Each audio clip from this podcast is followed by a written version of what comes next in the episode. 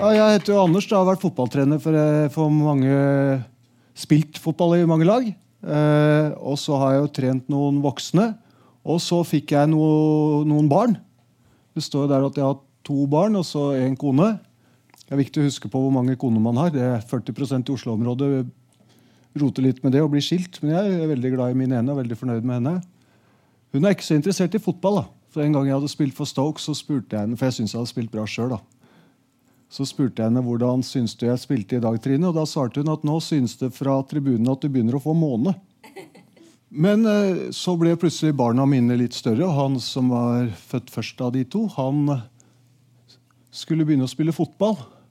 Så hvordan, hvordan trener man egentlig barn? For det hadde jo ikke jeg gjort før. Eh, hvis dette er podkast, så er det ikke så lett for de å følge med på noe. Men nå skal jeg få løpe opp til en slags midtstrek, tror jeg, etter hvert. Fordi vi spilte en kamp. Gutter kan de ha vært åtte år, kanskje en ganske ny spiller. Jeg hadde ikke vært med så mye. Han har en slags posisjon i forsvar. Og når vi angriper, så løper han, og han bråstopper på midtstreken. Full stopp på midtstreken. Går ikke i angrep. Og Det skjer flere ganger etter hverandre. og Til slutt så tenker jeg får kanskje bytte han ut og, så, og spørre litt om hva det er som foregår. Og det gjør jeg. Så sier jeg har du ikke lyst til å, til å skåre mål. Bli med i angrep og skåre mål. Og Han har en liten talefeil, så han sier at det kommer ikke på taie. Og Det overrasker meg litt. så sier jeg De fleste syns det er gøy å, å skåre mål. Så jeg syns du skal bli med i angrep neste gang. Og blir du sliten, skal du få lov til å gå tilbake. Og Da ser han på meg med alvorlige øyne så sier han jeg er pasifist. Jeg angriper aldri. Og det var en slags artig opplevelse som det er å være barnefotballtrener. Det, er, det morsomste er kanskje møtet med barna og se de vokse fra barn til ungdommer og bli litt mer ok mennesker og forhåpentligvis også ganske mye bedre fotballspillere. Men eh, det, det skjedde mange ting som ikke jeg var forberedt på. Og så skrev jeg et par mailer om dette til noen eh, venner av meg. og Den ene mailen den havna hos en i Aschehoug forlag. og Så ringte de til meg og sa de kan du tenke deg å skrive en litt lengre mail. Og det har jeg gjort, og det ble en bok. Og Den boka har fått eh, ganske bra anmeldelser av de som har lest den. i hvert fall. Da. Eh, jeg tror førsteopplaget nesten er utsolgt nå. Så skal den komme i pocketbok, tror jeg. Eh, og, og, I Klassekampen så mente de at boka var en slags bruksanvisning på livet, og Arbeiderpartiet burde skaffe seg den for å få seg et nytt sosialdemokratisk prosjekt. Men på meningsmålingene så ser det jo foreløpig ikke ut som de har skaffa boken. Eller B, da, som jeg kanskje er mest sannsynlig, at den ikke virker som en fullstendig oppskrift på å snu rundt på Arbeiderpartiets oppslutning. i hvert fall. Og så har den blitt oversatt, eller den kommer ut på dansk, og det syns jeg er litt gøy. Fordi jeg vet ikke om vi hadde kjøpt en bok av en dansk skiløper for å finne ut hvordan vi skal gå på ski.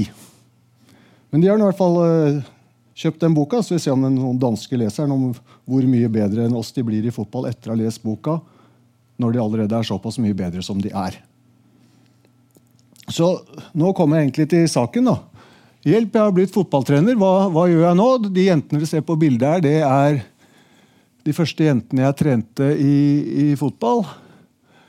Eh, det var veldig gøy å trene de. De er veldig lydhøre. De tok alle beskjeder som om det var lover og regler. Når, når, jeg ble spurt om å skrive denne boka, så spurte de også kan du lage et kapittel som er om jentefotball. Det var jeg egentlig veldig uvillig til å gjøre, fordi jeg syns ikke det er noe som heter jentefotball. Jeg synes det heter fotball, så Derfor så øver jeg meg på å si når jeg snakker med gutter som spiller fotball, så sier jeg hører at du er på spiller guttefotball. For I går var jeg på guttefotballkamp. Da var jeg på Vålerenga-Lillestrøm. Det var en artig guttefotballkamp. Uh, det var en stygg guttefotballtakling. Det ble rødt kort da, så var det noen guttefotballinnlegg bak mål. og så jeg sier det, og når jeg snakker med jenter som spiller fotball, så sier jeg at jeg har vært på fotballkamp. Og Det er bare for å bruke språket som makt, da, og for at eh, eh, jentenes status som fotballspillere skal heves litt. Og Heldigvis så går det i riktig retning. Det var utsolgt på Emirates i går. Var det ikke 60 000 på semifinale for, for damer? Én norsk spiller involvert. Så når du har blitt fotballtrener, da, hva, hva gjør du for noe da? Hva skal du gjøre da? Hvordan gjør man det? Det første man skal gjøre, er kanskje å innrømme at man, var, at man er nybegynner. at eh, man, man, De færreste, i hvert fall, da, Bortsett fra de som har en attpåkladd. Det er vel den eneste måten å bli en virkelig god barnefotballtrener på. Det er å få barn nummer tre sånn ca. ti år etter den forrige, sånn at du får ti år med å øve på å være barnefotballtrener. Og så må det være fem år mellom de to første. Da, da blir du en erfaren barnefotballtrener. Men sånn er det jo ikke så mange som har det, så de fleste er jo nybegynnere. Og Derfor så går jo diskusjonen om hvordan man skal gjøre dette her sånn, igjen fra det ene årskullet til det andre i alle klubber i hele landet. Så denne boka er et sånn forsøk da, på kanskje å vise litt vei på hva man kan gjøre, som er klokt å gjøre, og som virker. Det er ikke, bare, det er ikke en sjølbiografi. Dette er jo en sakprosabok. Men den er krydra litt med egne erfaringer. Det er ikke helt fritt for det. Og så er det basert på forskning og ikke minst på hva man har gjort i en del andre land som virker. Og så forsøkt å vri det for en norsk kontekst, og forsøkt å vri det på en sånn måte at de fleste kan klare å i hvert fall gjøre ganske mye av det, og ganske riktig. Det, det er et mål. Og, og, veldig mye av det, det handler om eh, innstilling til hvordan du skal være trener. Og, og, De fleste er jo veldig opptatt av at barna skal bli gode i fotball. og det er naturlig nok. Fotball er et ganske enkelt spill. Det handler om å skåre ett mål mer enn det andre laget. Det må aldri glemme. Det er det fotball handler om. Hvis vi ikke forsøker å skåre ett mål mer enn det andre laget, altså hvis ikke det er noe med i bildet, eller det vi øver på, er for å kunne skåre et mål mer enn det andre laget. Da er det ikke fotball lenger. Så, men i forsøket på å få til det der, da, så er det noen som frarøver barna barndommen. Altså De gjør de til, til unge voksne. da. Så man må på mange måter beskytte barnet sin, sin barndom, sånn at man ikke tar fra dem barndommen. Rousseau, fransk opplysningsfilosof, han, ja, noen sier at han oppfant barndommen. Ikke at det ikke hadde vært barn før hans tid, men også at han oppfatt begrepet barndom. Og det kobler han til det at barn kan kaste bort tiden sin. Altså De har tid til å sløse bort tiden, for de er så unge. Mens voksne de har ikke nødvendigvis det samme, for de er jo litt nærmere døden. Det var ikke sånn han sa det da. Men hele poenget er at barndommen sin, er en egen fase i, i, livet. Og jeg skal prøve å si litt om hvordan man utvikler seg hvis man får lov til å være barn. Men hvis man bare lar de være barn og tror det bare er å tulle og tøyse, så, så, så blir det uten forventninger, og da tar man fra dem fotballen. Så, så å være fotballtrener det er en sånn begge deler-ting. Man må ta vare på barna og barnas barndom, altså beskytte mannen i barnet. Og så må man sørge for at det er høye nok forventninger til barna når de er på fotballtrening. Altså, så, uh, arbeidslivsundersøkelser om mobbing på arbeidsplass, for eksempel, så er det å bli oversett den verste formen for mobbing. Altså At ingen har noen forventninger til deg i det hele tatt. De bare later som du ikke er der. Så, så Å bli møtt av mennesker som ikke har forventninger til deg, det er ikke noe særlig ålreit. Og det, det, tror jeg er en tabbe veldig mange barnefotballtrenere gjør. De har veldig lave forventninger. Og det henger nok sammen med at de setter noen standarder for hvor gode barna skal være. Så når du skal være barnefotballtrener, eller egentlig skal jobbe med folk i det hele tatt, kan det godt være voksne også, eh, så tenker jeg det viktigste du skal gjøre, at du må bestemme deg for å ha tro på at alle spillerne kan utvikle seg. Det er som steg nummer én. Hvis du ikke er i stand til å gjøre det, så tenker jeg at man skal la være. For Du kan ikke møte et barn og si at jeg har ikke noe tro på at du kommer til å utvikle deg eller bli noe bedre. Det må du ha tro på. Og så gjelder det alle. Ikke bare de tre beste eller ditt eget barn og naboen. Det gjelder alle barna. Eh, på slutten av det foredraget her så kommer det begrunnelsen for hvorfor det er lurt å gjøre det sånn for din egen del også, som trener. Og Det neste du skal gjøre, da, som er videre når det gjelder relasjonsbygging, det er også å finne i hvert fall én positiv ting å si om eh, hvert eneste menneske som Eller hver eneste spiller da, som menneske. Sånn som jeg møtte deg også, som du som er her nå, som er født i 2014 eller 2015. 14, ja. Du er veldig nysgjerrig. Det er en fantastisk god egenskap du har som menneske. For du stiller spørsmål, og så ser du meg rett i øynene. Og det liker jeg veldig godt, for da tror jeg ikke at du lyver.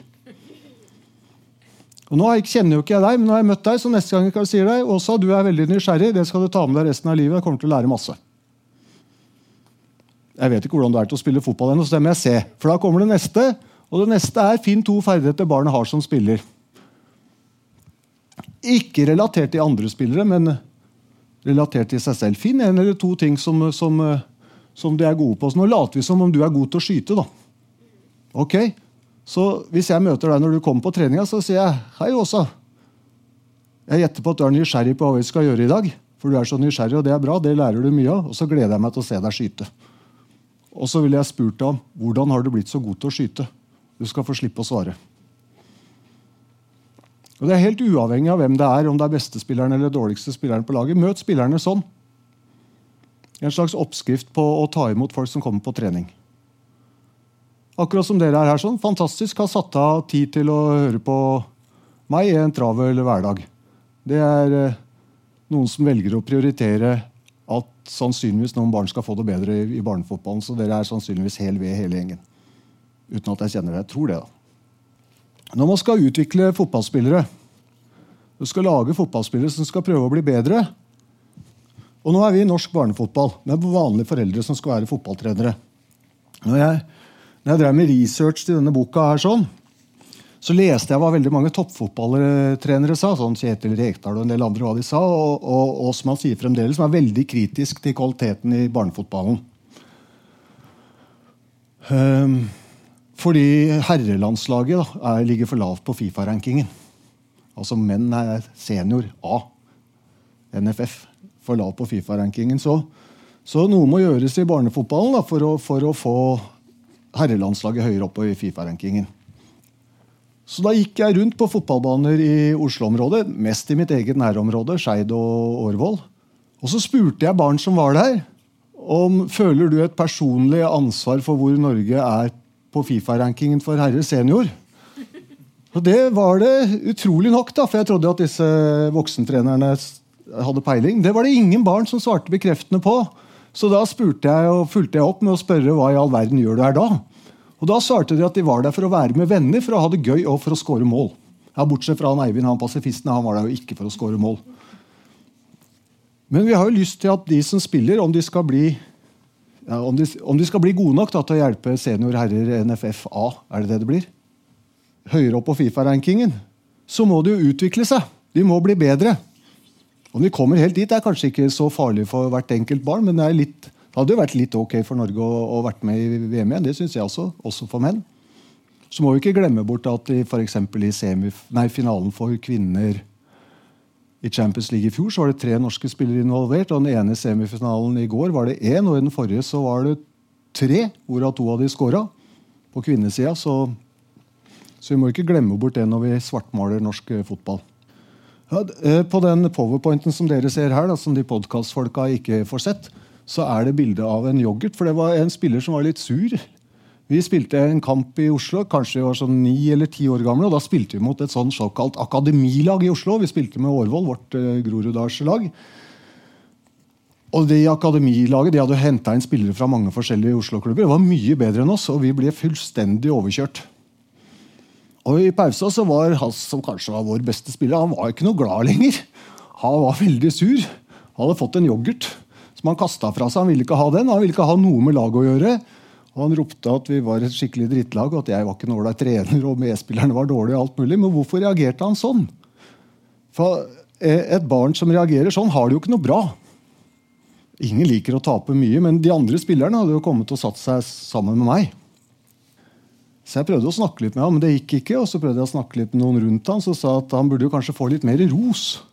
For han hadde vært klart best, i hvert fall. At kanskje den rosen kunne liksom få dratt han inn i varmen. Så, så Derfor skal jeg snakke litt om hvordan man skal snakke med barn. Sånn at når de møter en utfordring, ikke får lyst til å kalle medspillere, trenere, lagkamerater for noe som de sikkert angrer litt på etterpå. Fordi man har trøbbel med følelsene sine. Man klarer ikke å stå i situasjonen. Fordi identiteten som god, eller god i betydning eh, bedre enn de man spiller mot, blir trua. Så hvordan skal man egentlig snakke med fotballspillere som, sånn at de skal få, få lyst til å bli, bli, bedre i fotball, selv om de møter på motgang? Det som kjennetegner de beste idrettsutøverne i verden, i fotball og andre uh, idretter også, er at de, de, takler motgang, og de vokser på motgang, og de liker motgang.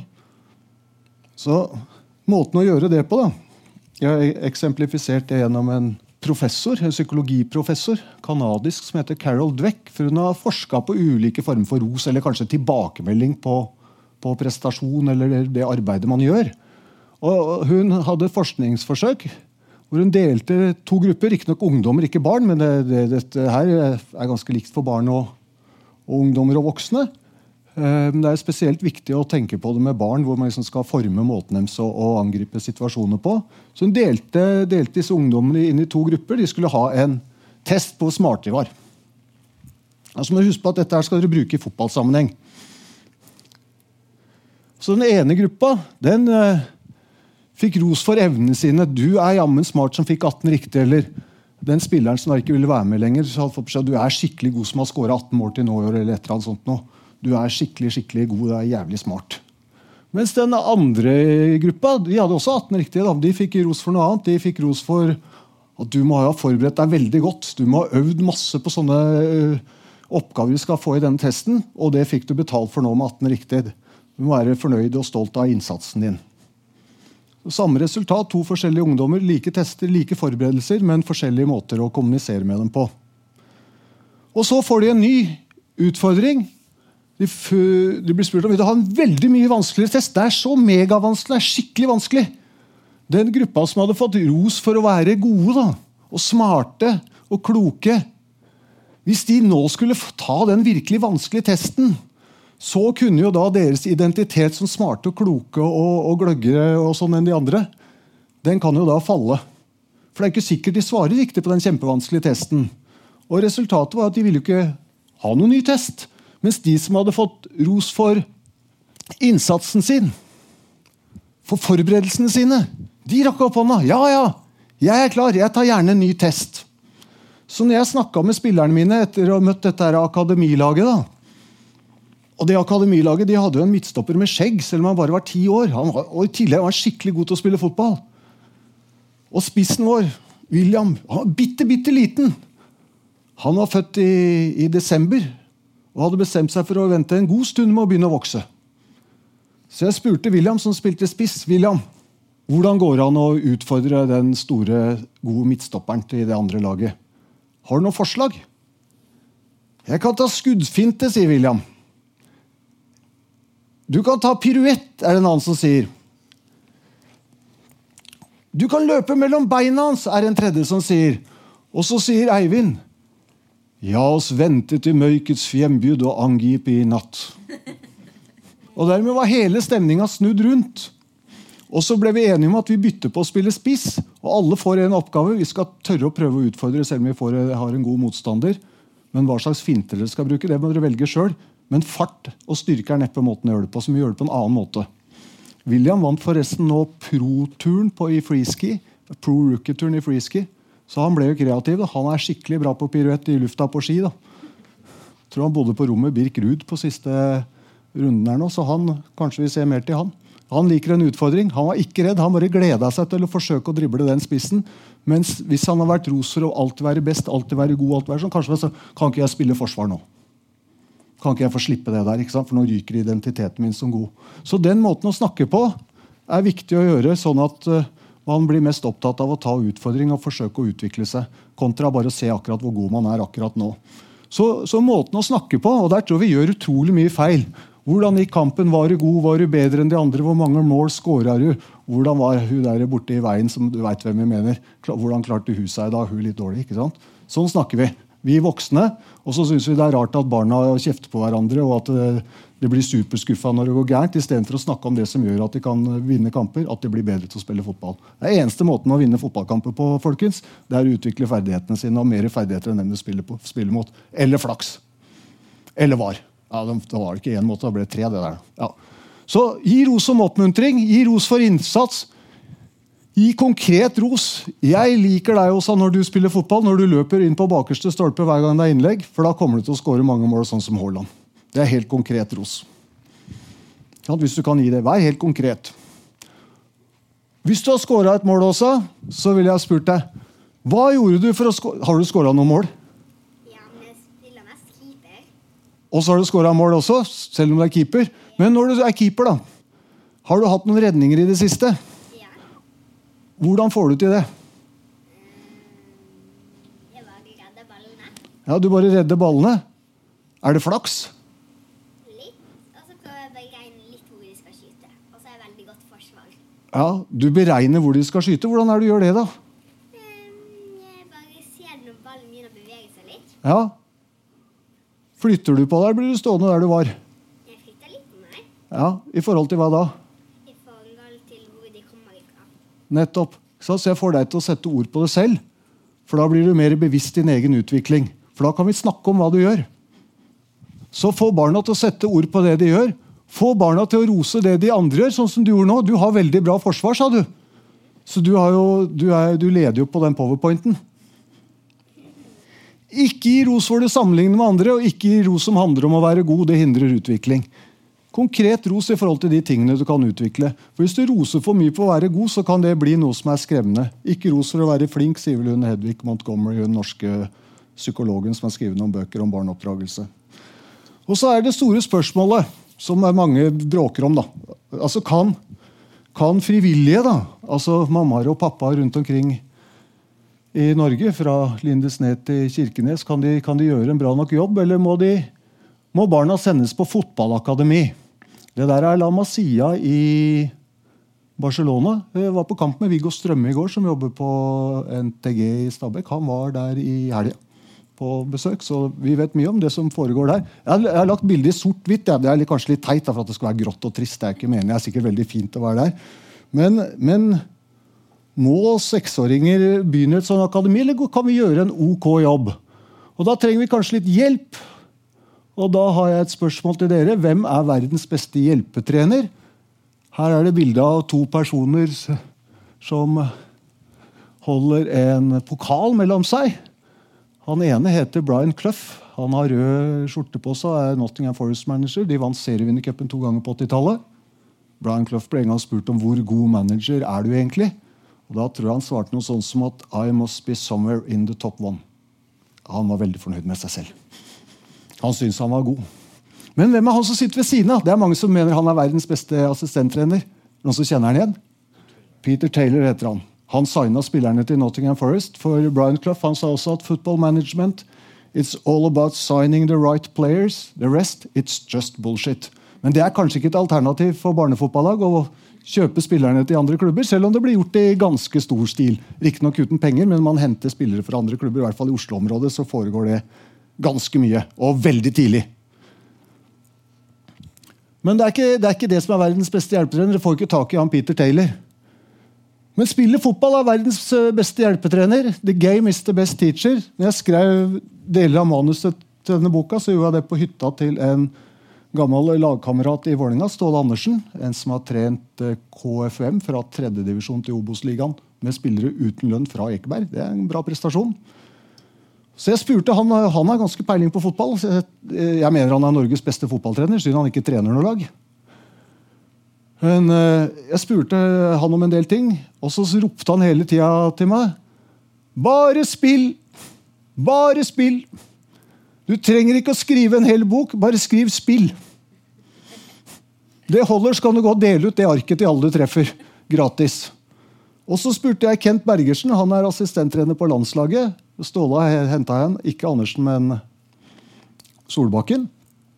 Jeg spurte Kenta hvis du skal gi ett råd til voksne som skal trene barn, hva skal det være? Så han, jeg må gi, gi to, sa han. To råd.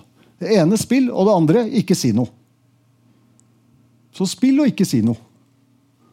Det er ganske brukbare fotballtrenere. Det, det, går jo an å få til det. Så gi veldig mye ansvar til verdens beste assistenttrener. Spillet Spillet gjør store deler av jobben. Man må bare spille veldig mye. Så hvis du klarer da å ta imot trenerne Og også er jeg så glad når du kommer, for du er så nysgjerrig. Og så er du så flink til å flytte deg til ballen, sånn at du står riktig når skuddene kommer. Nå har du fått ros for hvem du er som menneske og for hvordan du spiller. Da kan det hende du får lyst til å spille mer i fotball. Og hva syns du om forsvaret ditt? Veldig bra. Da får kanskje de andre lyst til å spille med deg også. Da er det større sjanse for at vi møtes og spiller igjen. Og så kan spillet få lov til å gjøre veldig mye jobb ganske lenge. Du burde fått betalt for å være her, du også. Du gjør en kjempejobb. Så hvor mye spill på hver trening? Og da mener jeg spill at Det er ikke bare spill på to mål, men alle former for spill hvor du har medspiller og motspiller, valg og handling. Altså må du forholde deg til noen på ditt eget lag og mot noen andre. Så du må velge. Der har jeg foreslått uh, 60% i håp om at det skal bli 45 Fordi Å organisere en fotballtrening det tar litt tid, og veldig mye tid forsvinner ikke. Noe. Det står ganske mye om hvordan man kan organisere treninger og sånn i den boka for å spare tid, men det, jeg tar ikke det her nå. Men hvis man skal ha en fotballtrening med barn, og den varer 100 minutter, så må 60 av de være spill. Her står det masse om banestørrelser og sånne ting. Det tror jeg skal droppe å si noe om. Det er bare sånne eksempler fra den boka. for at Hvis du aldri har trent noen, altså, hvordan skal du spille? En av de største feilene er jo at vi spiller altfor mange mot hverandre. Og barna roper vi vil spille 7 mot 7 og 11 mot 11. Det er bare å si nei. Det er for komplisert for, for barna. Ikke gjør det. Dropp det. Kanskje en veldig veldig sjelden gang bare som sånn moroting, men ikke ellers. Og så står det masse forslag til banestørrelse, sånn, sånn at banestørrelsene blir sånn noenlunde store. For Hvis du skal spille, så må du vite hvor mange som skal være på laget i hvilken alder, og omtrent hvor store banen er. Så da har, du, da har du egentlig alt du trenger. Nå vet du hvordan du skal være. Du skal tro på at alle skal utvikle seg og ta det imot på en bestemt måte om hvordan de er som mennesker og som fotballspillere. Og så skal du spille mye, og så skal du ikke si altfor mye. Og så må det ikke være for mange på hvert lag, og så må ikke banene være for store eller for små. Så spillet er den beste læremesteren. Det som er litt trøblete, fordi jeg var barnefotballtrener sammen, de gikk på kurs. Og da ble det helt, eh, Om vi var inkompetente fra før av, inkludert meg sjøl, eh, så, så, gikk alle på kurs. Jeg hadde riktignok tatt alle disse kursene til Fotballforbundet før. da. Jeg har jobba i Fotballforbundet også, men det fikk jeg ikke lov til å skrive i boka. For da ville boka bli forbundet med Norges Fotballforbund. Så det, det, det er veldig hemmelig at jeg har jobba der. Ja. Um, så den kompetansen de, de, tilegner seg, de gjør dem inkompetente. Men også nå skal du hjelpe meg litt neste gang du er på trening. For det pleier jeg å si til barn jeg ser på fotballtrening, hvor det er masse øvelser, så sier jeg at du får én krone for hver sånn kjegle du stjeler. Når de voksne har satt opp masse sånne kompliserte øvelser eh, med mange spennende ting de skal gjøre. For en øvelse skal du bare bruke hvis den øker aktivitetsnivået. Da kan du bruke den og setter spilleren ofte i situasjoner som spilleren møter i en kamp. Da kan du bruke øvelsen. Hvis ikke, ikke bruk den. Hvis aktivitetsnivået går ned, hvis mange står i kø, hvis barna ikke forstår hva de skal lære, hvis de ikke forstår hvordan de skal bruke det i kamp, så er det ikke noe vits å gjøre det. Og Da har jeg et forslag. Det er Den beste øvelsen det er spill. Bytt ut med spill hvis du kan. Det er ikke nødvendig å, å gjøre øvelser. Når jeg spilte i Sheffield United De rykka opp her om dagen, forresten. Sheffield United de har kjøpt Eller Asker, da, som er min moderklubb. Det er to spillere fra Asker som er blitt proff. Det er Sander og meg, Sander Berge, og begge i Sheffield United. og begge mye. Det syns jeg er gøy. Men jeg klarte ikke å rykke opp. det klarte han da. Så kosta han i hvert fall 1-0 mer enn meg. Uh, men når jeg spilte der, så trente jeg med Stabæk på, på, sommeren for å holde meg litt i form.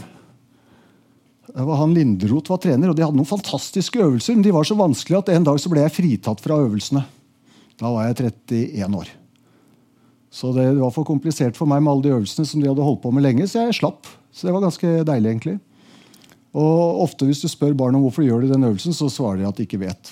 Så spør barna, sjekk med dem. Forstår de hvorfor de skal gjøre det? Forstår de overføringsverdien til kamp? Hvis de ikke gjør det, bare dropp det. I, I, denne boka så har jeg brukt Belgia som eksempel ganske mye. Jeg skal prøve å forklare det og prøve å forklare hvorfor jeg har gjort det. og først og fremst at det er Mye av det de har gjort, kan veldig mange barnefotballtrenere gjøre uten at man har altfor mye erfaring fra før av. Belgia arrangerte fotball-VM i rundt 2000. var det der. Og så ble de slått ut av Tyrkia. Hakan Sokor, han som Erdogan ikke liker. Han eh, skåra to mål. Og, og, Belgia ble slått ut. Det var sånn komesterskap med Holland.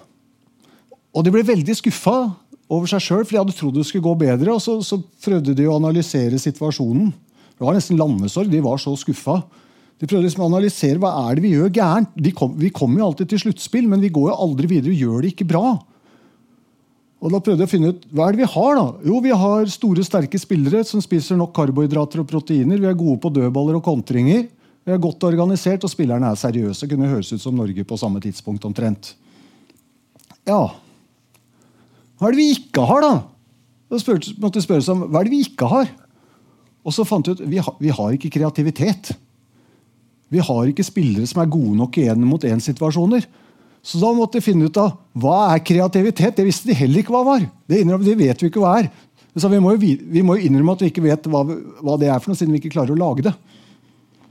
Så da spurte de folk som, som, peil, som de trodde hadde peiling på det. Kunstnere og poeter og musikere og sånn. Og så spurte de hvordan, hvordan har du blitt kreativ. Hvordan har kreativiteten din oppstått? Og så var det et ord som gikk igjen, og det var frihet. Altså frihet til å utforske, frihet til å finne ut av. Ikke begrensninger. Ingen som har lagt begrensninger. Der kommer det Kent Bergersen sier inn. Ikke sant? Ikke si for mye. Ikke legg begrensninger. Så de, de tok noen grep. De, gjorde, de, de, prøvde å finne ut hvor er de mest kreative fotballspillerne. Jo, det er i Brasil. Og hvordan er det de har spilt? Hvordan har de blitt det? Og så prøvde de å se på hvilke, hvilke lag og land er det som har den beste spillestilen. Da fant vi ut at det er sannsynligvis fra Ajax og etter hvert eh, Barcelona. Og så prøvde vi å finne ut hvor er de beste akademiene, og det mente de var Spania. Og så prøvde de å sy sammen alt dette i en sånn belgisk pakke, og den, den funka veldig bra. De mente de måtte ta 20 år da, på å få dette til å virke for å få gjennom flere, flere kull med fotballspillere. Og, det har i hvert fall tatt de oppover på den Fifa-rankingen. De har ligget stort sett i sånn topp fire de siste åra. Nå går det litt dårligere, for nå begynner jo de engelske og andre akademier å skjønne at belgiske fotballspillere er gode, så de drar de ut av de belgiske akademiene før de rekker å bli ferdig gode. Og så havner de i et konkurransemiljø et annet sted med mindre frihet til å utvikle seg. Og Derfor tror Belgia at det kommer til å gå dårligere med dem framover. Så hvordan lage kreative spillere? Det er Tom Lund. Eh, inntil ganske nylig Norges beste fotballspiller, men det går ikke an å si det lenger med Haaland og Ødegaard i, i action. Han var veldig god én mot én. Hvordan, hvordan, få til det? Der er det bilde av Maradona mot uh, Belgia i 86, tenker jeg. Uh, det er også Maradona med ballen og én, to, tre, fire, fem forsvarsspillere. Det er en mur som har gått i oppløsning. Det er derfor det ser sånn ut. Men det viser i hvert fall at Belgia var gode til å sette press på ballfører, om ikke annet. Så hva gjorde, hva gjorde Belgia, og kan norske foreldre nybegynnertrenere? Det var et langt ord. Kan norske foreldre nybegynnertrenere adoptere noe av dette, og kan klubbene herme? Og jeg tror ja, og jeg tror det er lurt. Så hvordan lærer man egentlig noe som helst? da? Så man vite hvordan læring foregår. Altså læring som, Det er to hovedformer for læring. Det er implisitt læring og eksplisitt læring. Implisitt læring det er læring som foregår i kraft av det du gjør. Eksplisitt læring det er sånn læring med formål. For så er jeg lærer i videregående skole. Det heter studieforberedende. og så skal du lære folk til å bli forberedt på studier. Det er sånn passe mislykka, det vi gjør der også. Og alle har hatt tysk og skal lære å snakke tysk. Og ganske mange som har tysk som ikke kan snakke tysk, selv om det har vært eksplisitt eh, av læreren. Profesjonell lærer med hovedfag i tysk, kanskje. Så klarte ikke å lære bort tysk til, til de klassen. Mens alle som har bodd i Tyskland, snakker jo tysk. For det ligger implisitt i det å bo i Tyskland og snakke tysk. Så da lærer man tysk. Eh, så, og hvordan har du lært å gå, for eksempel, også? Hvordan har du lært å gå? Har du gått på gåakademi? Et profesjonelt gåakademi? En profesjonell gålærer? Nei. Nei. Du har lært å gå av å gå. Altså i selve øvelsen gå, lærer du å gå.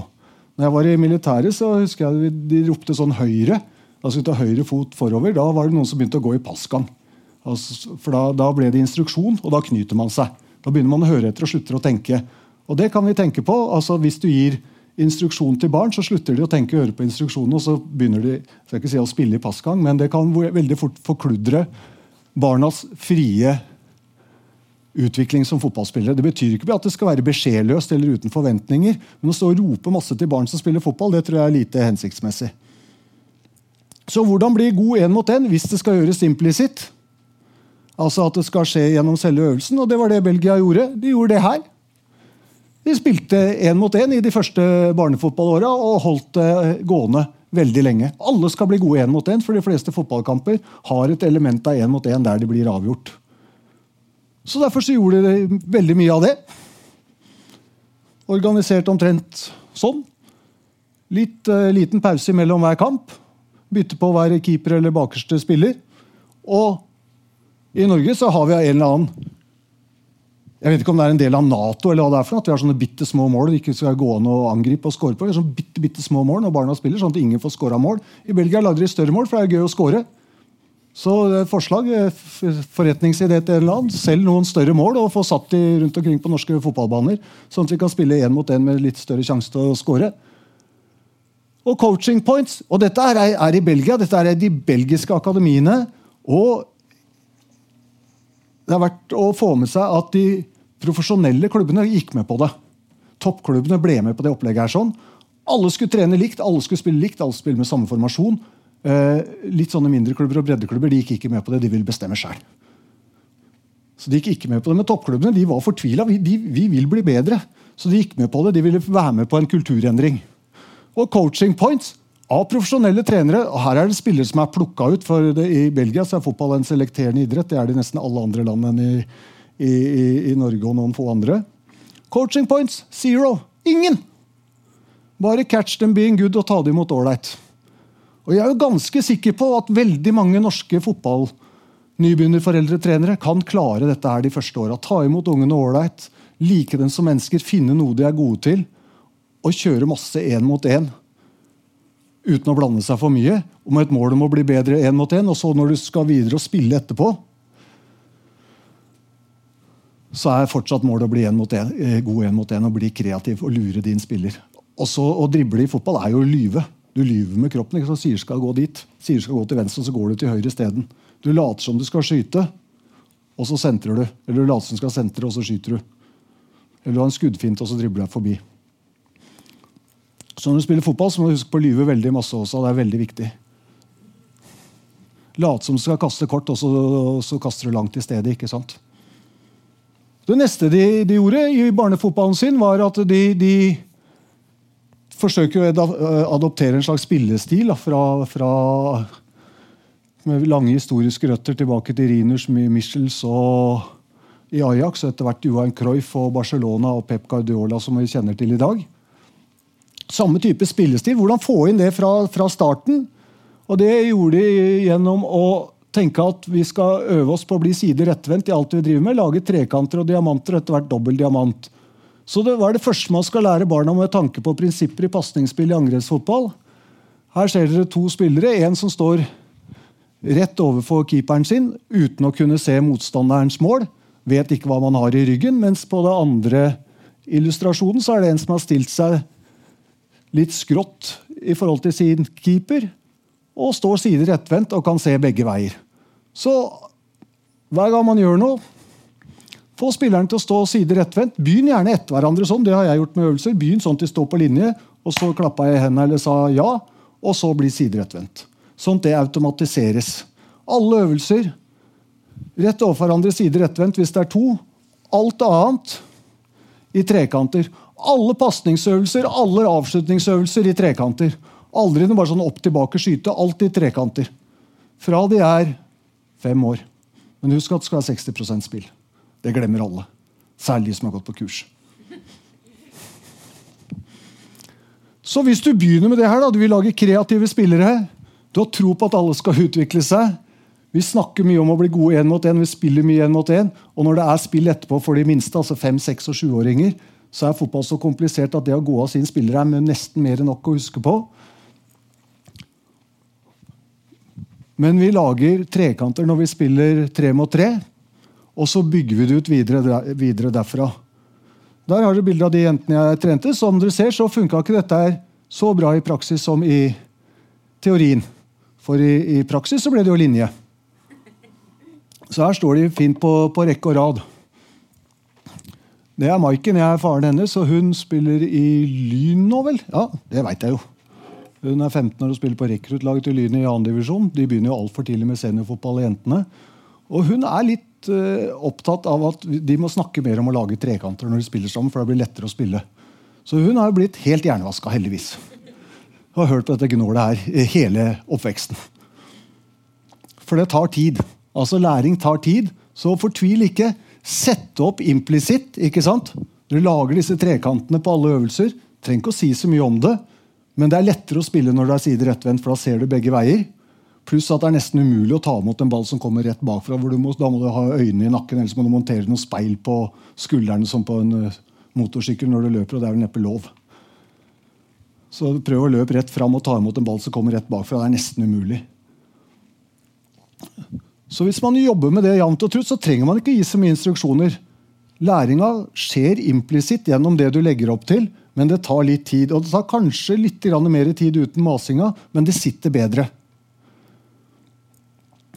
Og så når man går over til å skulle spille femmer, så lager man en diamantformasjon. Så kan man jo begynne å telle trekanter man kan lage i den. Det betyr ikke at spillerne skal være i den posisjonen hele tida, men det er utgangsposisjonen til spillerne. I Belgia så spiller de dobbel diamant. Det foreslo jeg når jeg jobba i Fotballforbundet. At man bør spille dobbel diamant, ikke femmer, sjuer og nier som i Norge. For da hopper vi over en kompliserende faktor for nybegynnerforeldrene. For nå tar vi utgangspunktet at dette her fremdeles skal gjøres av frivillige i Norge. Det tror jeg vi må For flesteparten kommer det til å være virkeligheten i ganske lang eh, framtid. Og da har du hele opplegget fra dag én og helt opp til elver. Dobbel diamant, mens i Norge så må du vri det litt til. Da, med noe, jeg har noen formasjonsforslag og sånt i det. Det er ikke at det er så, så viktig om det er to her eller tre der, og 3-4-3 eller 4-3-3. er ikke så viktig. Det viktigste er prinsippene. Her er bildet av når man sitter og spiller fotball. Det ser ut det er lagd en slags dobbel diamant. da, av de som er der. Her ser dere den bakerste diamanten. Den er der. Og her ser dere en ny diamant. Så de spiller dobbel diamant i praksis. Det er bare å se på dem når du ser det neste gang. Det ser sånn ut hele tida. Bør alle lag i samme klubb ha samme spillestil? Ja, Det er ganske interessant. Altså, hvis et politisk parti da, skal, alle, skal alle politikerne i samme politisk parti stå for det samme? Skal de forfekte samme politikk, eller skal noen være for høy skatt, og noen være for lav skatt, og noen være for mye offentlig virksomhet, og noen andre for mye privat virksomhet? Det vil jo være et merkelig politisk parti. Og, og det vil være en merkelig, merkelig fotballklubb også, hvis de ulike lagene i samme klubb har ulik spillestil. Det blir i hvert fall veldig vanskelig hvis man skal hospitere oppover. da. Eller hvis et A-lag skal, skal, rekruttere spillere fra egen klubb, så skal de plutselig spille på en annen måte når de kommer på A-laget. Hvis de spiller på en annen måte enn resten av klubben. Så jeg, jeg, vil jo slå et slag for at det er lurt at alle har samme spillestil. Og tilbake til det samme. I Belgia så gjorde alle klubbene det samme. Med profesjonelle trenere så har vi i hvert fall gjort det samme med nybegynnerforeldretrenere. Og så må man være lojal mot det klubben eh, driver med. Man trenger ikke være klokere enn klubben. Men det, det, tror jeg er veldig mange som har lyst til å gjøre det. har lyst til å liksom sette sitt stempel på det, Men jeg tror det er viktigere å være med på å sette sitt stempel på å utvikle en kultur. Eh, den norske sosialantropologen Thomas Hyland Eriksen sier at kultur er det som gjør kommunikasjon mulig. altså det At vi kan snakke med hverandre. Og fotball er jo kroppsspråk. Vi snakker jo med kroppen, vi viser med kroppen hva vi vil gjøre. Så hvis du vet at når du spiller med noen, hver gang jeg får ballen, så vil jeg få en spiller foran meg til høyre, en spiller foran meg til venstre og en ganske langt uh, lenger rett fram. Og hvis ballen går ut til den til venstre for meg, så kommer det til å komme noen bevegelser, sånn at den spilleren får en, en spiller til venstre for seg og til høyre for seg. Da vet man det, for vi har holdt på med siden man var fem år. Da vil det sannsynligvis virke i en hvilken som helst norsk fotballklubb når disse spillerne er 25 etter 20 år. Jeg har tro på at det vil virke på 20 år, hvis man holder ut. Men det skal ikke så mye til før man skal bytte. De begynner snart å bytte i, i Eliteserien nå, tenker jeg, for nå har vi spilt tre-fire runder. så nå, nå, gjelder ikke det som gjaldt i fjor høst og gjennom oppkjøringa. Nå skal det kastes på båten i håp om å få rask suksess. Rask suksess. Jeg har ingen tro på det. Jeg har bare tro på å jobbe langsiktig. Eh, for de som hører på podkast, så får ikke de med seg det bildet bak der. sånn. Det er kampen, Der står det 'Kampen om kampen' og 'Kampen om talentene'. Og så det, står det 'Avdeling for følelser og krangling'. og i bak på, bak på det bildet der så kan dere skimte Reitgjerdet, som er et gammelt sinnssykehus, eller et asyl for den forfulgte. Eller et asyl er et fristed for den forfulgte, er det det heter. Ja. For det, det, man kan jo bli helt gæren av, av, dette her med kamp og laguttak og hvordan det skal gjøres. Og kampen om talentene og hva et talent er for noe, og hvordan man skal lage de beste fotballspillerne. Så Talentidentifisering. da. Hvem kommer til å bli best til slutt? Eller talenteliminering. altså Hvis vi ikke tror at noen kommer til å bli gode, så satser vi ikke på dem. Bortsett fra dere som har vært her, da, som har lært å satse på alle spillerne uansett utgangspunkt. For da blir det mer prestasjonsmiljø der du befinner deg. Vil være bedre for de beste også. Men hvem blir proff? da? Hva skal gjøre med de grønne bananene? Hvis du har grønne bananer, også, hvis du har grønne bananer hjemme, hva gjør du med de? Vi lar de være litt for Vi kaster de ikke ut, vi lar de få være bananer en stund til, og så blir de modne. Øyvind Larsen, som jobber i Norges Fotballforbund, har et fantastisk uttrykk om eh, hvis man spør om problembarn, så sier han at alle voksne spiser skorpe. Det går seg til. Så, så hva skal vi gjøre med de grønne bananene? Altså det som går på relativ alderseffekt. Det er veldig vanskelig å vite hvem som blir best til slutt. I utlandet så må de velge fordi de har akademier. De er, de, de, blir, de er dømt til å måtte plukke ut noen. De har ikke noe valg. Vi, vi behøver ikke. For vi, vi, har en inkluderende idrettsmodell. Men det er ikke sikkert vi inkluderer alle i, i forsøket på å utvikle dem. Kanskje vi bare tar tak i de vi antar er best akkurat nå. Det er det som er å kaste de grønne bananene. At vi bryr oss bare om de bananene som er modne akkurat nå. Som kan være relativ alderseffekt, eller kan være at noen har spilt veldig mye mer fotball på et gitt tidspunkt. Der er et bilde av meg når jeg spiller fotball for Stoke. Jeg er mot Redding, det er jeg som er nummer 32 på ryggen der. Og jeg hopper. Jeg syns jeg hopper litt høyt sjøl, i hvert fall. Men når jeg var på kretslagssamling med Oslo fotballkrets da jeg var 15 år, så fikk jeg beskjed om at du er for liten og har for dårlig fysikk. Jeg er 1,90 høy, og på det tidspunktet der så veide jeg 92 kilo. Så problemet var litt for tung. Var, jeg var ikke for liten, i hvert fall. Så da, det var relativ alderseffekt. Det var sein i puberteten. Sist i klassen i puberteten. Uh, og jeg husker jeg tok det skikkelig tungt. For jeg satsa jo på fotball. hadde lyst til å bli fotballspiller. Men heldigvis hadde jeg noen veldig kloke folk i, i Asker der jeg vokste opp, som, som uh, hadde veldig troa på meg.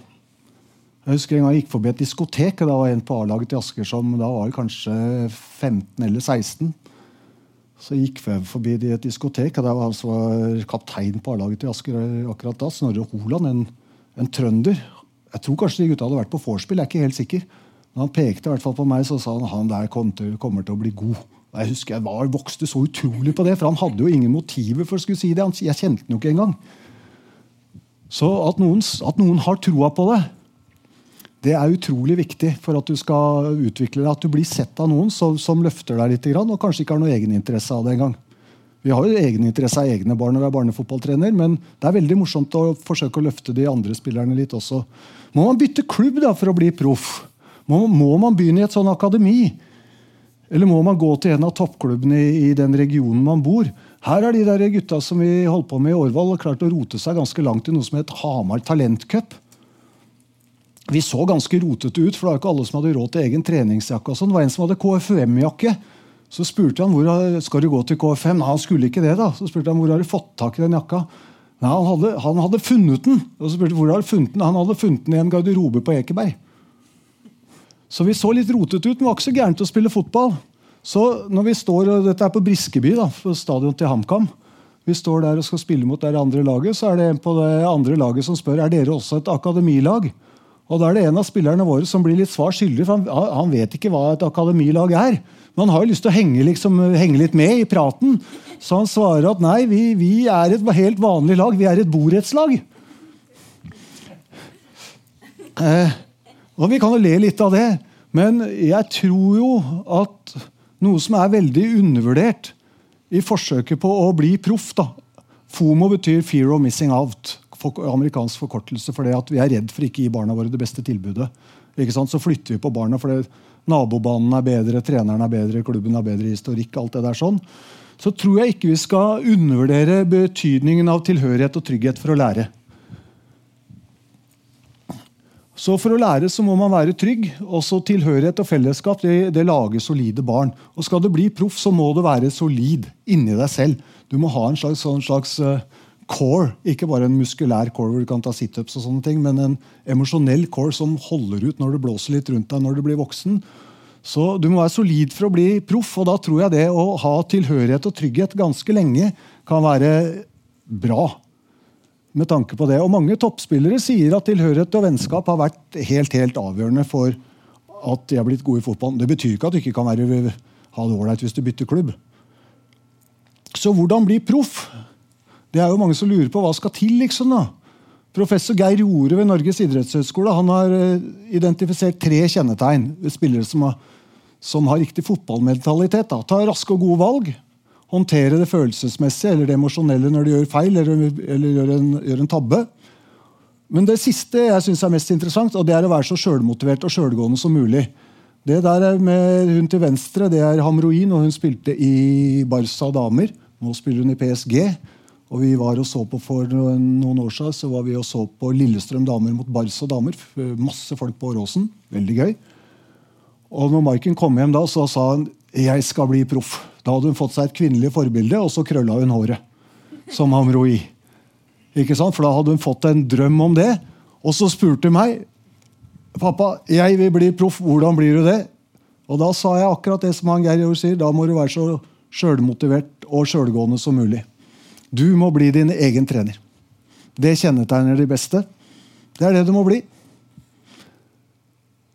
Ehm, så hvis du skal bli proff, så skal jeg ikke si det kommer ikke til å gå for x antall prosent. Er så få som klarer alt det der sånn. Men jeg kan si litt av hva som skal til. Og du må, du må bli din egen trener, og du må trene mye, og du må like å trene. Så talentfulle utøvere de tar mye ansvar for sin egen utvikling. De utvikler seg til å bli sine egne trenere. Så hvordan skal vi gjøre det, da? Da må vi få de til å gå på Løkka. Noen sier ja, vi, går ikke, barna går ikke på Løkka lenger, så vi må organisere trening. Det, blir, det kommer ikke til å bli nok timer av det. Det, hjelper ikke med aldri så bra akademi hvis de ikke går på et eller annet annet ved siden av. De må trene sjøl i tillegg. Så bare Løkkebarn blir proff. Du må spille fotball fordi du liker å spille fotball. Der er naboen min, Omar eh, Ebdaloui. Han var veldig uheldig med en nyttårsrakett. Kunne gått helt gærent, men han, kom inn for Glimt nå. Så jeg håper at det går bra med han. Det er naboen. Han bor i huset ved siden av. Og, og, og Maiken, dattera vår, hun hadde jo nå lært at for skal du bli proff, så må du på Løkka. Og så var Omar hjemme på sommerferie, så gikk opp og ringte på. Lurte på om han skulle være med på Løkka, siden han var proff. Så jeg med at han, eh, Men han kunne ikke. Da kom Maiken tilbake og var litt deppa. Men hun var ikke deppa på egne vegne, for på, kommer Omar til å miste jobben sin nå som han slutta, slutta å gå på Løkka. Så, så det, det, er jo ikke det, men du, du, kan jo gå. Så for å få til det, det her, da på, på, treningene, Lær barna å organisere øvelser og spill. Dere trenger ikke å gjøre alt sjøl. La barna få ansvar for å gjøre det. La barna dømme sjøl på treninga. Og så få barna til å gjøre avtaler med hverandre for å møtes på Løkka. Og i en overgangsfase for å få til det, bruk spånd. Skriv løkkefotball fra klokka ti på lørdag til klokka et eller annet. Jeg husker jeg skrev fra 10 til 23.00 en gang. Da var det noen mødre som mente at det var feil. da. At det var litt seint. Så det, det, kan være en måte å få det til å funke. Og for at de skal trene OK når de er på Løkka, hjelp dem til å, å øve sjøl på treninga. Organisere sjøl og dømme sjøl. Hvis ikke så blir det bare krangling, og så blir det sånn som mange av dagens barn er. Spør en voksen. Nei, ikke spør en voksen. Ordne opp sjøl. Her er det bilde av Maiken med det som de gutta som kalles for Getto FC.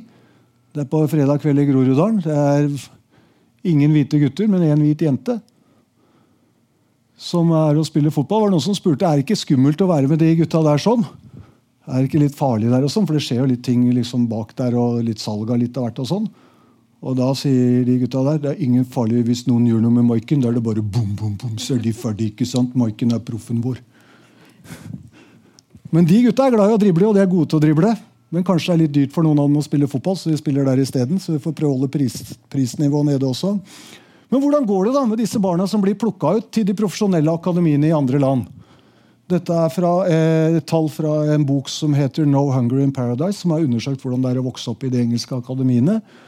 Og Der sjekka de 8500 barn som har blitt plukka ut, altså selektert av profesjonelle speidere for å bli trent av profesjonelle trenere i profesjonelle akademier. Hvor mange tror dere havna i Premier League av 8500?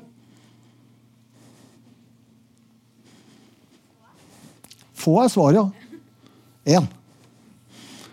Det viser bare én ting, at det er utrolig vanskelig å velge ut. De ble gode, mange av de andre òg. Noen havner, havner, i championship, og noen havner i Belgia og i Tyskland på nivå 2 og 3. Og sånt, så mange av de blir gode. Men det er veldig vanskelig å finne ut hvem som blir best til slutt. Det er nesten umulig. Hva vil du synes om en norsk skiskytter som bomma på 8499 av 8500 skudd? Jeg hadde sagt at Det der det har du ikke greie på. Så å plukke ut det er utrolig vanskelig. Vi må i hvert fall være klar over at det er vanskelig. da. Og Det er liksom avrundinga. Ikke kast de grønne bananene. Så kamp er det viktigste å, å, vinne. Ja, Det er gøy å vinne, alle er jo enig i det. Og vi skal jo prøve å vinne kampene. Eh, men hæ, skal vi ikke starte med det beste laget? Så sier det helt Han ligner litt på meg, kanskje. Det kan godt hende jeg har sagt det en gang også. jeg vet ikke, Håper ikke det. Så, og Dette er tilbake til Belgia igjen, for de er veldig opptatt av det her. For hvis du skal lage kreative spillere, så må du nødvendigvis for drible deg bort. da. Tenk hvis Vålerenga ikke hadde vært så stressa på resultatet i går, så hadde de turt å spille litt mer fotball mot elleve mann når det, ble, når det ble redusert i ti. Men da ble de jo så stressa at de slutta å spille. Kanskje de er for opptatt av resultatet i kampen. Um, så i kamp så er det enkeltspillerens utvikling som skal prioriteres. Det var det Belgia bestemte seg for. Vi må slutte å tenke lagets resultat. Vi må se hva er det som passer for hver enkelt spiller og den spillerens utvikling. Nå består jo fotballferdighet av flere ting enn bare å være god én mot én. Altså, de er opptatt av relasjonelle ferdigheter, altså to eller tre spillere sammen. Struktur i forsvar, avstand, forsvar, midtbane. Det er også fotballferdigheter. Og, og kampdimensjonen. Så de fire fotballferdighetene man snakker om. Så De er opptatt av alt det der sånn, men de er mest opptatt av å tenke på hvordan enkeltspilleren kan utvikle seg i forhold til det. Istedenfor lagets resultat. Så tenk at vi verken vinner eller taper. Vi lærer. Og resultatorienterte trenere er ikke resultatorienterte i kamp. De øver på å bli sider rettvendt. Du øver på å lage trekanter og diamanter. Du øver deg på å plassere deg raskt for å få nye trekanter og diamanter. Og du øver på å være opptatt av å ta nye utfordringer, som er relatert til noe av det jeg sa her nå i, i stad. Men det kan jo også være sånn at hvis vi møter et veldig bra lag, så skal vi jobbe knallhardt med omstillingshastighet og komme på riktig side. Hvis ikke så, så kommer vi til å tape veldig mye. Men kanskje ikke skal si at vi skal tape veldig mye. Vi skal se hvor mange ganger klarer vi å organisere oss veldig raskt. Og så kan vi evaluere på det. Så så tenk individ og ikke lag. Gi konkrete oppgaver tilpassa hver enkelt spiller, som dere evaluerer kampen på. for Da kan jeg spørre om det etter kampen. Da slipper jeg å snakke om resultatet. Da kan jeg snakke om akkurat det. For det kan ha vært ganske dårlig selv om vi har vunnet kampen. Og jobb med de samme ferdighetene i kamp som på trening. Vær utviklings- og ikke resultatorientert. Det der er kanskje det vanskeligste. For det ligger i magefølelsen at vi skal vinne.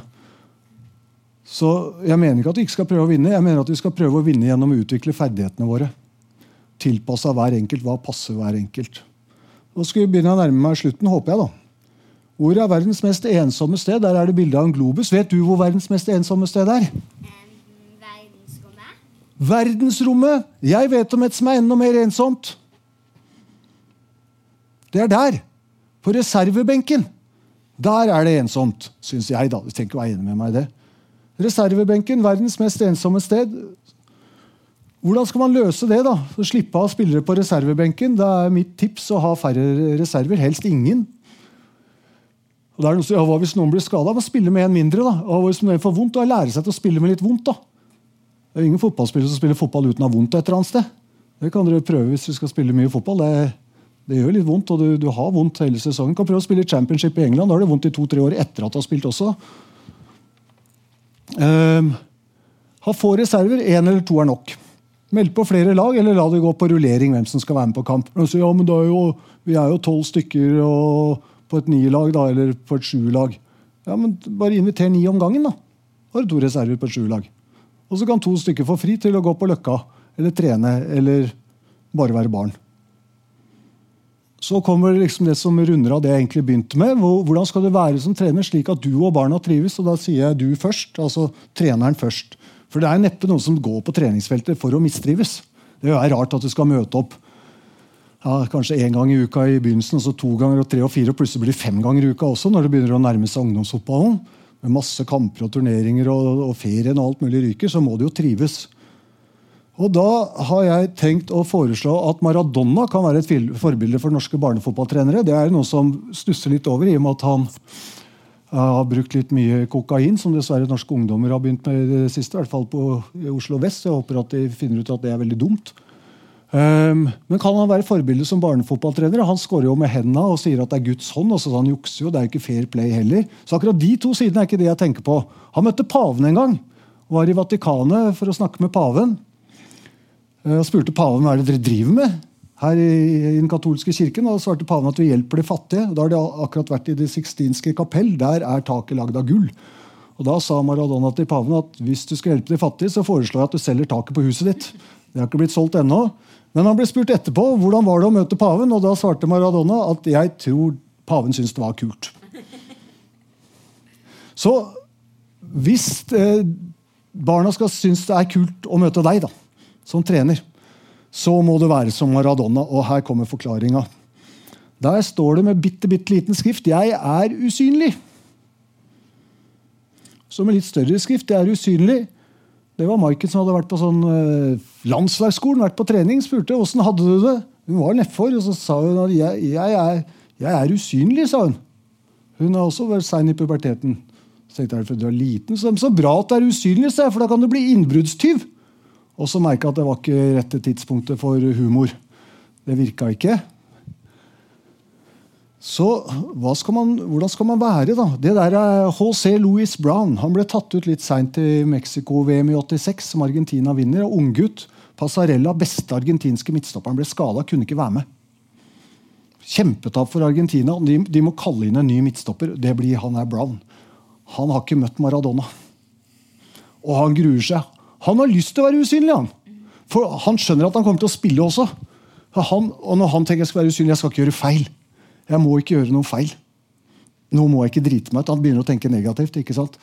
Han vil endelig bli tatt ut i VM, så tenker han bare feil. Han er død nå. da, Død av Alzheimer, dessverre. Samme som mutter'n. De, også. de kjente hverandre ikke, og det er ikke smittsomt. Det noe med hverandre å gjøre at de to hadde Alzheimer. Men han gruer seg. Han tenker feil. Vil ikke ha VM-utfordringa, som han jo burde hatt. ikke sant? Han burde jo møtt opp. Yes, jeg ble tatt ut i VM, nå er jeg heldig. Men når han kom på hotellet, da, lenge etter de andre spillerne og seint på kvelden Jeg vet ikke om dette er en røverhistorie eller sann, men historien sier i hvert fall det at når han kom på hotellet, så har argentinske spillerne lagt seg minus én. Maradona han er våken. Han har litt annen døgnrytme. Og når han ser Brown komme i resepsjonen på hotellet, så løper han imot den og hopper opp og holder rundt Brown og sier Yes! H.C. Louis Brown! Du er så stor og sterk! Du er så god! Nå vinner vi VM! Og Da gikk H.C. Louis Brown fra å grue seg til å spille VM, grue seg til å møte Maradona, som var redd for at han ikke skulle være god nok til å spille sammen. Ikke sant? Skal erstatte superstjerna Passarella. Til å tenke Yes! Nå vinner vi VM! De vant VM. H.C. Louis Brown skåra i finalen. Etter kampene så sang ikke de argentinske spillerne argentinske sanger, de sang Maradona-sanger. Så det kan jo kanskje være et mål for barnefotballtrenere. Det blir litt dumt mål at de skal synge navnet ditt etter kampene. Det, jeg foreslår ikke det. Men jeg foreslår at du skal forsøke å ta imot medspillerne, da, spillerne dine, sånn at de vokser. At du viser dem jeg har skikkelig troa på deg. Jeg, har troa på, jeg liker deg som menneske, jeg har troa på deg som fotballspiller. Jeg skal være med å utvikle deg. Så for å gjøre det så må du lære deg å lese usynlig skrift. Det er forresten barna mine med Stoke bortedrakter. Jeg har prøvd å gi dem Stoke-drakter hvert år. Jeg gir det til jul hvert eneste år ennå. Nå gidder de nesten ikke å pakke opp engang. De sier pappa, du kan bare gi opp, vi kommer ikke til å holde med Stoke. Men jeg gir meg ikke. For jeg tenker at tida kan gjøre jobben. 20 år til, kanskje. Men når du skal trene barn, da, så må du lære deg å lese usynlig skrift. Altså Det står med usynlig skrift i pannen på alle barn, og dette er også fra, fra belgierne. så så, og dette er ting som, som, som de bestemte seg at dette må vi gjøre for å klare å utvikle alle spillerne.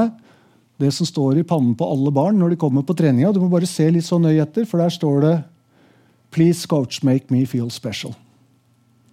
Og hvis du klarer det, da har du blitt en OK barnefotballtrener. Takk for meg, og lykke til.